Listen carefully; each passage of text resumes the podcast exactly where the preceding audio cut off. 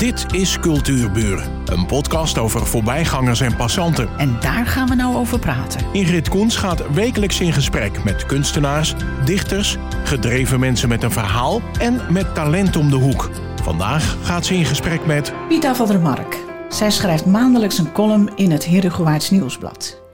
In januari 2016 reageerde zij op een oproep en stuurde een column in. In februari ontving ze de volgende e-mail. Gefeliciteerd. Je bent uitgekozen als een van de nieuwe columnisten van het Heer Hugo Waarts Nieuwsblad. In totaal, zijn er vier schrijvers geselecteerd die om de beurt een column mogen aanleveren. En als uh, uh, omschrijving schreef ze: Eind jaren 70 ben ik samen met mijn man in Herengewaard komen wonen. Inmiddels ben ik van alleen echtgenote opgeklommen tot moeder van drie kinderen en oma van drie kleinkinderen. Goeiedag, uh, Pita. Goeiedag. En ik wil je vragen om de mensen een indruk te geven van jouw columns. Ja. Brandlos. Oké. Okay. Een column over mijn kleinkinderen. En ik heb het genoemd fiets. Vandaag fiets ik niet alleen. Voor mij op de fiets zit mijn kleindochter van twee. Naast mij fietst haar grote broer van bijna vier. Hij kan alles al zelf. Ook al heb ik een zetel achter op mijn fiets speciaal voor hem. Hij geeft niet toe. Fiets zelf. Tijd voor discussie is er niet. De school wacht en de weg is nog lang. Zelf fiets ik het in tien minuten. Maar grote broer kent geen tijd. De brug aan het eind van de straat is de eerste stop. Bovenaan kijken we samen of we kunnen oversteken. Vervolgens in vliegende vaart naar beneden. We nemen de verkeershobbel in het midden van de weg mee. Volgens grote broer is die daarvoor gemaakt. De wind blaast de nog natte haartjes van zusje droog tot zachte krullen. Die kriebelen tegen mijn kin. Vandaag geen staartjes. Niet één, niet twee, niks. Haartjes los met slechts twee speltjes. Eén van Elsa en één van Anna. We draaien het fietspad op en roepen: Dag, dag tegen de ezels. Als er tegenliggers aankomen, commandeer ik broer naar voren. Zo houd ik zicht op hem. Helaas, hij niet op mij, wat mij telkens de uitroep doet ontlokken: Voor je kijken! Bij een volgende tegenligger ga ik voor, met als gevolg dat ik steeds achterom kijk. Broer maakt er geen punt van. Hij roept niet voor je kijken, maar stopt en zegt: Mijn neus kriebelt. Nadat hij teruggekriebeld heeft, kunnen we weer verder. Net als we een klein beetje tempo maken, passeert ons een groepje wielrenners. Ze roepen naar broer: Fietscoureur! Als ik uitleg aan broer dat fietscoureur betekent dat hij een hele goede fietser is, is zijn loopbaan gestart. Voordat we de school bereiken, stapt broer nogmaals af. Deze keer om een trekker met aanhanger goed in ogenschouw te nemen. De fietscarrière wordt subiet ingeruild voor trekkercoureur, waarvoor zusje zich ook maar gelijk aanmeldt. Helaas, ik moet ze teleurstellen. De trekkercarrière moet nog even wachten. Eerst maar eens de schoolcarrière. ja, en zoals jij uh, zei, eind jaren zeventig ben ik samen met mijn man in Herengewaard komen wonen. Je schreef mijn geschiedenis. En ongetwijfeld, ongetwijfeld van meer vrouwen in diezelfde tijd. Die in Herengewaard kwamen. Maar 8000 inwoners hè, was er toen. Ja. Middenwaard in de stijgers. Ja. Bioscoop in een stollenboerderij. Geen schakel, geen cultuur. Hoe heb jij, waar kwam je vandaan? Nou, eerlijk gezegd, uh, dacht, we kwamen eigenlijk uit Haarlem. Maar in die tijd, in de overloop, konden we een huis kopen in Alkmaar, Huiswaard. Daar kwamen we dan voor in aanmerking. Maar toen de tijd mocht je maar een huis, hè, als je nog geen kinderen had, kopen met twee slaapkamers. Dus, oh, is dat zo? Ja, dat was toen zo. Maar dat was dan ook voor de overloop uit de Eimond, zeg maar. En uh, we hebben er twee jaar gewoond. Allemaal jonge mensen. En na twee jaar was van het rijtje van acht, zes huisgezinnen. waren nog geen gezinnen verhuisd. En uh, toen dachten we van ja, we wilden eigenlijk liever terug naar Haarlem, want we vonden Alkmaar al ver. Maar het werd heel heel gewaard. Daar Meer je, kans daar, op daar een je, mooie ja, woning daar eigenlijk. kon je nog een beetje kopen. Ja, inderdaad. Dus zo kwamen we in Heergewaard terecht. En hoe heb jij dat ervaren? Nou, in het begin gingen wij nog zelfs wel terug naar Haarlem als we uitgingen. Je had toen nog geen kinderen. Nee, we hadden nog geen kinderen, dus dat maakte allemaal niet zoveel uit. En toen de kinderen eenmaal kwamen, ja, toen, was, ja, toen ging je in de buurt op. Toen ging je de wijk op eigenlijk. Hè, en langzaamaan ontwikkelde Herengewaard zich ook. De schakel, hè, dat was toch... eh, ja, daar kwamen best wel leuke optredens eigenlijk. En langzaamaan kwam dat allemaal... eh, Jos Brink, ja, Frans Halsema. ja, echt Eh, goed die, die hoor. Met die, ik weet niet meer hoe die heet. Theater van de Lach in ieder geval. ja, ik weet Ja. het. Ik zat toen in die stichting om al die artiesten op te Oh, ja. vangen. Ja. Ja, dat, was echt, eh, dat was echt leuk. En de bioscoop, dat was, dat was de bioscoop. Ja, er was er maar één. Eén, Ja. één zaal. ja, je moest afwachten wat er kwam. Ja, En dan kom je uit een grote stad en dan kan je uit de hele krantenpagina Ja, kiezen. En hier moest je afwachten wat er kwam. ja, Ja, het was wel leuk, hè? ja, het was leuk. En toen ging het hard. Ja, Eh, als je het goed vindt, lees ik een klein stukje voor uit je eerste kolom. oh ja. eh, column van eh, het Nieuwsblad. Ehm, jij noemt dat jouw eh, sollicitatiecolumn. ja, dat was het ook. Ja, inderdaad. In de laatste maanden van het oude jaar vertoonde ik al meidgedrag voor het nieuws van alle dag. Ik was moe van alle ellende in de wereld. Het valt mij zwaar om dit prijs te geven. Ik zelf zit namelijk niet in de ellende. Dus hoe moeten de mensen die wel in de ellende zitten zich wel niet voelen?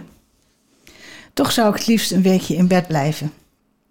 Zeg maar een herhaling van John en Yoko Bed in for Peace. Een week lang in bed voor love and peace. Mijn eigen bed dan. Geen idee wat een weekje Hilton met roomservice. Ik kan tenslotte mijn, mijn bed niet uit. Kost, maar ik schat dat het mijn inkomen te boven gaat. Je gebruikt vaak een muziektitel in je columns. En die speelt soms een cruciale rol in het verhaal. Eh, leg dat eens uit. Hoe ben je daarbij gekomen? Nou, eh, ik hou heel erg van muziek. Maar, eh, en vooral uit de jaren zestig, zeg maar. Maar toen ging het me voor eigenlijk meer om de muziek zelf. En later eh, ging ik eens goed naar die teksten luisteren. En toen dacht ik, wat is het toch knap dat eh, ze in zo'n song, zeg maar, soms een heel verhaaltje kunnen doen. En een column is ook maar een heel klein verhaaltje eigenlijk. En dat vond ik zo knap. En toen dacht ik van, oh ja, daar zouden meer mensen naar moeten luisteren. Ik ga dat gewoon gebruiken in een column. En het is zo leuk om erover na te denken van eh, dat je al een onderwerpje hebt. En dat je dan ook gaat nadenken van, hé, hey, wat voor muziek zou erbij passen? Het is gewoon leuk om daarover na te denken. Ja, zo Ja. gaat het bij velen van ons. Ja, Die eh, vroeger als gekken stonden te dansen op die muziek.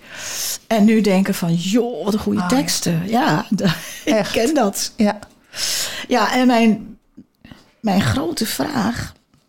Denk je nou nooit, wat moet ik in vredesnaam schrijven? Ja, soms.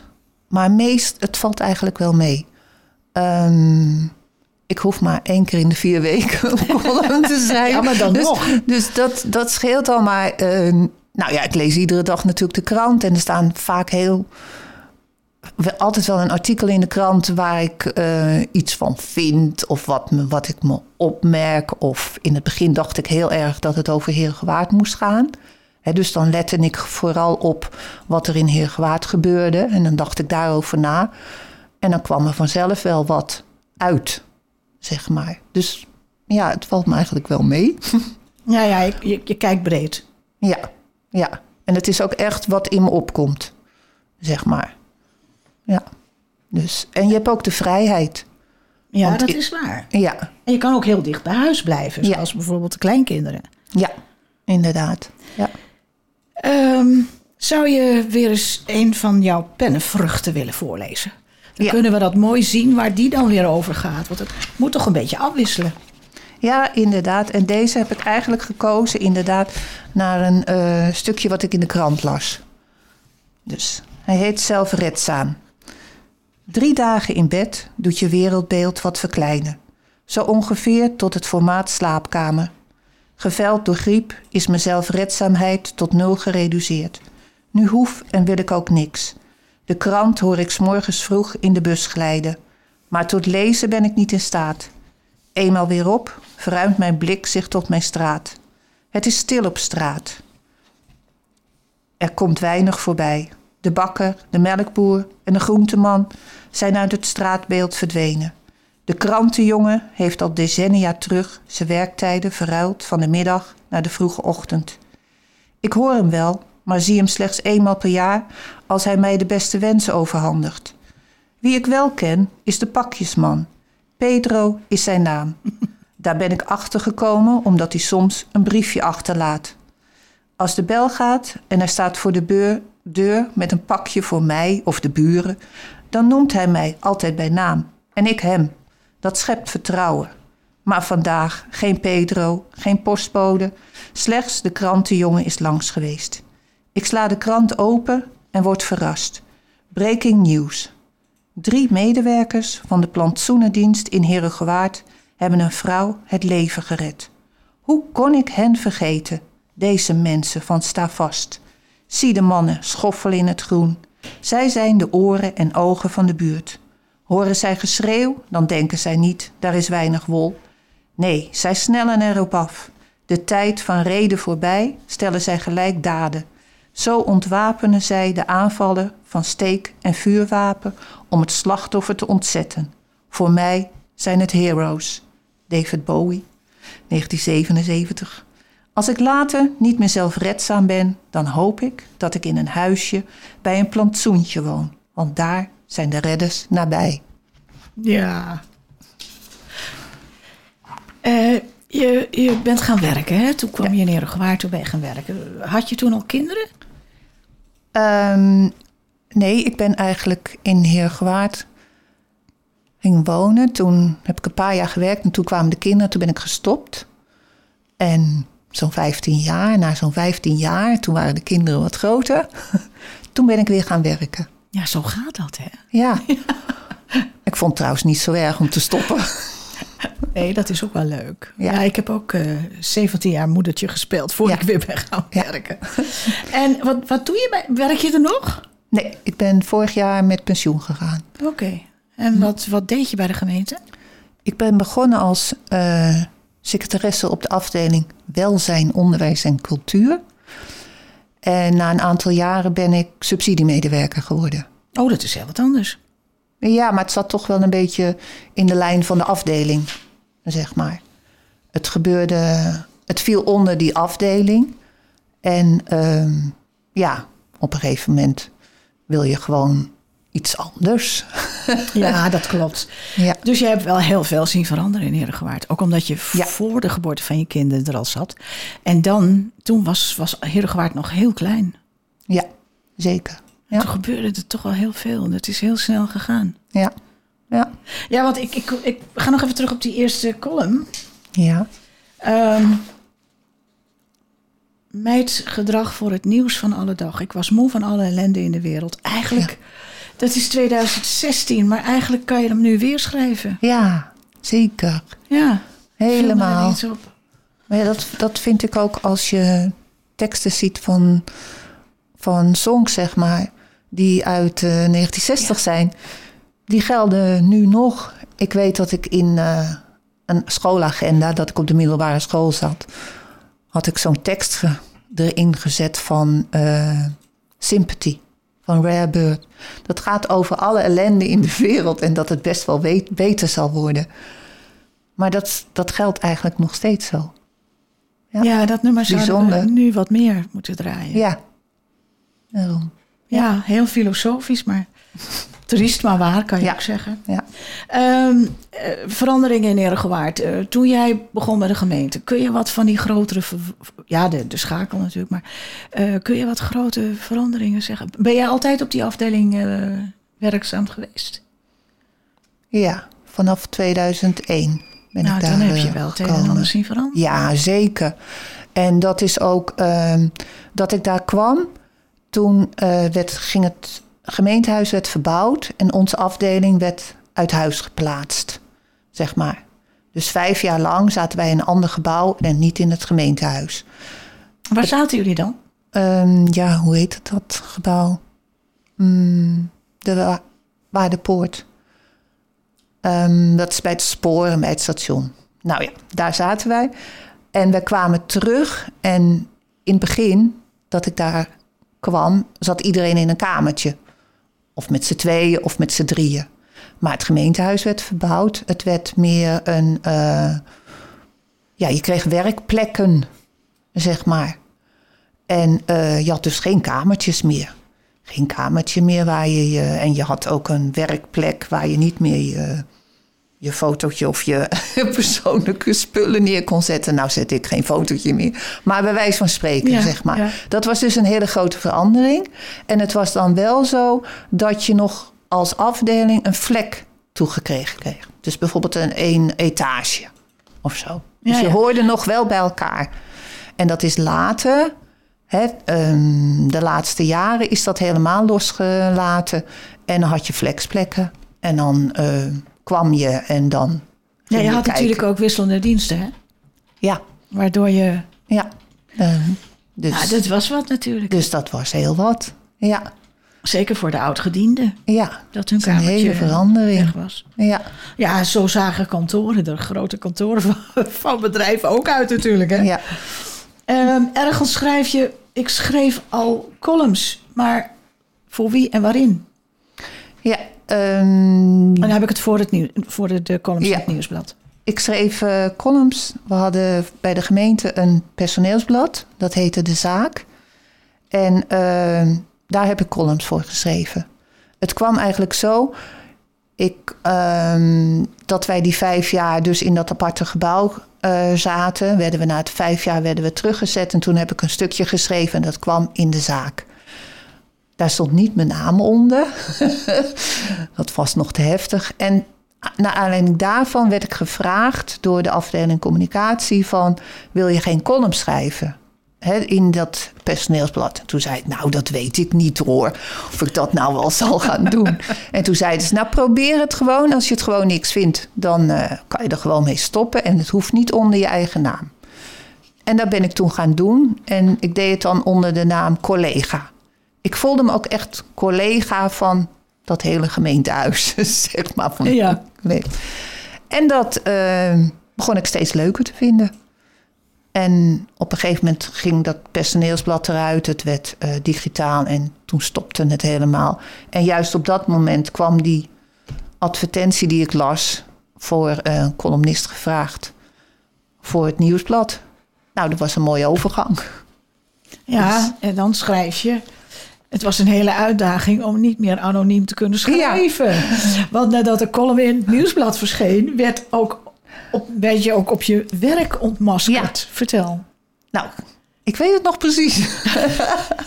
ik dacht ook al van, oh jee, het, nu staat het erin, maar het is maar afwachten. Want het is natuurlijk hè, heel wat anders of je in de zaak hè, tussen je collega's wordt gebracht. Of dit in het algemeen. En ik kom op mijn werk en ik ga zitten op mijn plek. En er zit een collega tegenover me die zegt, was jij dat? nou, en dat, dat was een hele leuke reactie, leuk, zeg maar. ja, Ja, ja. dat was echt eh, heel leuk. Krijg je reacties op je columns in het eh nieuwsblad? Ja, ik, eh, en in het begin dacht ik van, oh, help. Maar ja, ik doe het gewoon omdat ik het leuk vind. Dus klaar, dan moet je dan ook, dat moet dan ook gewoon zo zijn. Hè? Maar ik moet zeggen, ja, ik krijg reacties en dat vind ik eigenlijk toch wel heel leuk. Het hoeft niet, maar ik vind het wel heel leuk. Het inspireert je toch om weer door te Ja, gaan. Ja, ik zeker. kan me voorstellen. Ja. Ik Ja. zou zeggen, eh, eh, eh, trakteer ons nog even. Ja, nou, daar heb ik er nog een uitgezocht. want soms denk ik, om een onderwerp te verzinnen, denk ik ook aan van, oh, hij komt op die datum uit, Oh ja. zeg maar. En dit is dan, omdat het dit weekend ook moederdag is, gaat het over moeder. Ik lig in mijn bed en hoor geluiden die ik niet thuis kan brengen. Mijn brein is nog niet helemaal wakker en mijn wil al helemaal niet. Met moeite krijg ik één ooglid opgetrokken. 05.55 lees ik op de wekkerradio. Ik registreer, mooi getal, maar vroeg, vroeg, te vroeg. En laat me wegglijden in slaapstand. Wat later, geen idee hoeveel later, hoor ik de klink van de slaapkamerdeur bewegen. Ik verdwijn onder het dekbed. Maak me onzichtbaar. Mijn gedrag wordt met gejuich ontvangen. Wakker worden! Mijn terugwerkende bewegingen hebben een voor mij tegengesteld effect teweeggebracht. Ik lig nog steeds verstopt, maar niet langer veilig. Bovenop mij springen drie schatjes die verwoede pogingen doen om mij te bevrijden van mijn heerlijke dekbed.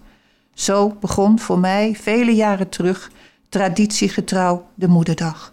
Bedolven worden, getrakteerd worden op broodjes pindakaas en verrast worden met zelfgemaakte knutsels.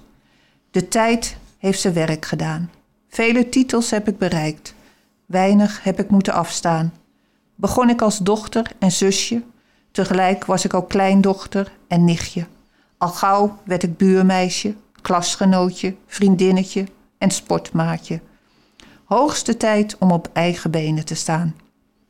Waarmee ik kamerbewoonster en collega werd.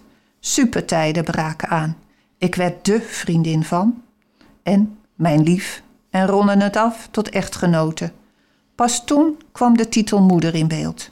Moeder, ik draag de naam met liefde, maar soms lijkt het verdomd veel op een werkwoord. Moe, moeder, moest.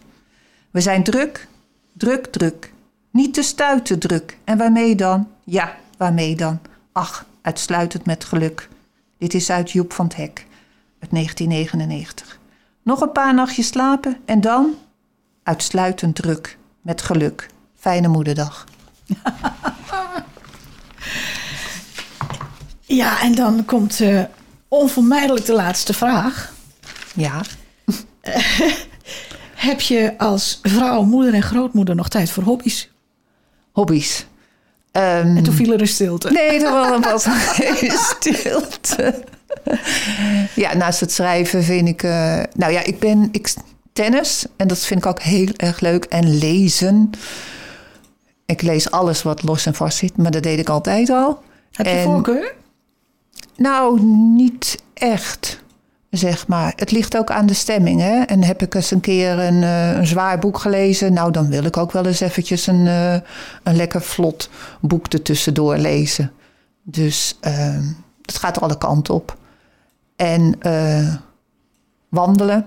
Ik heb nu ook meer tijd. En... Uh, nou ja, gewoon je sociale contact onderhouden. Dat vind ik ook wel heel wat. Ja, of weer opgraven. Ja, of weer opgraven.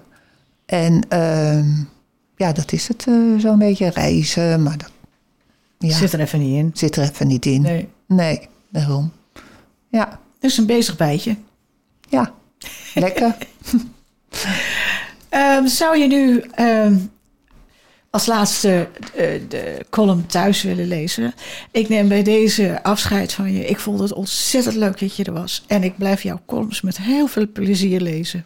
Oké, okay, dankjewel. Ik vond het heel spannend, maar ik vind het heel leuk. dankjewel. Oké. Okay. Huis. Er loopt een fotograaf in mijn huis rond. Ik wist van zijn komst en had mijn huis netjes aan kant gemaakt. Al voelde het een beetje als van kant maken. Alle niet te zaken doende voorwerpen heb ik verstopt. Daar draai ik mijn hand in het geheel niet voor om. Elk hoekje en gaatje in dit huis ken ik als mijn broekzak. Veel hebben we in de loop der jaren zelf gecreëerd. In het begin gingen we nog voor simpel de muren beplakken. Van schattig konijntjesbehang tot stoer autobehang. Van steenstrips tot houten panelen. Ook waren we niet vies van kleur in huis. Van bloedrood tot staalblauw. Plafonds werden omgetoverd tot sterrenhemels. Muren werden volgehangen met kleurige posters of zelfmeet kunstwerken. Tot slot sloegen we er muren uit en bouwden we uit. Zo dwalen mijn gedachten af terwijl ik hem, de fotograaf, op de voet volg door mijn huis. Ik zou hem zoveel kunnen vertellen van alle kamers in dit huis. Van babykamer tot thuiswerkplek. Van tienerkamer tot zolderetage. Van de verborgen spijkergaatjes waar we de verjaarsvlingers aan ophangen. Niets van dit alles. Zo nauwgezet als hij van kamer tot kamer gaat, zo stil houd ik mij op de achtergrond. Na een uurtje is hij klaar. Hij neemt afscheid met de woorden: Over een paar dagen zie je huis terug op het World Wide Web. Ik maak er iets moois van. Het is mijn vak. Ik zwaai hem uit. Hij heeft gelijk, ieder zijn vak, maar we hebben wel iets gemeen. Hij maakt er iets moois van. En dat heb ik al die jaren ook gedaan. Mijn huis, mijn thuis. Er staat een bord in de tuin. House for sale. Lucifer, Margriet Ethuis, 1975. Dit was Cultuurburen. Een podcast van Ingrid Koens en Streekstad Centraal. Bedankt voor de aandacht en tot de volgende Cultuurburen.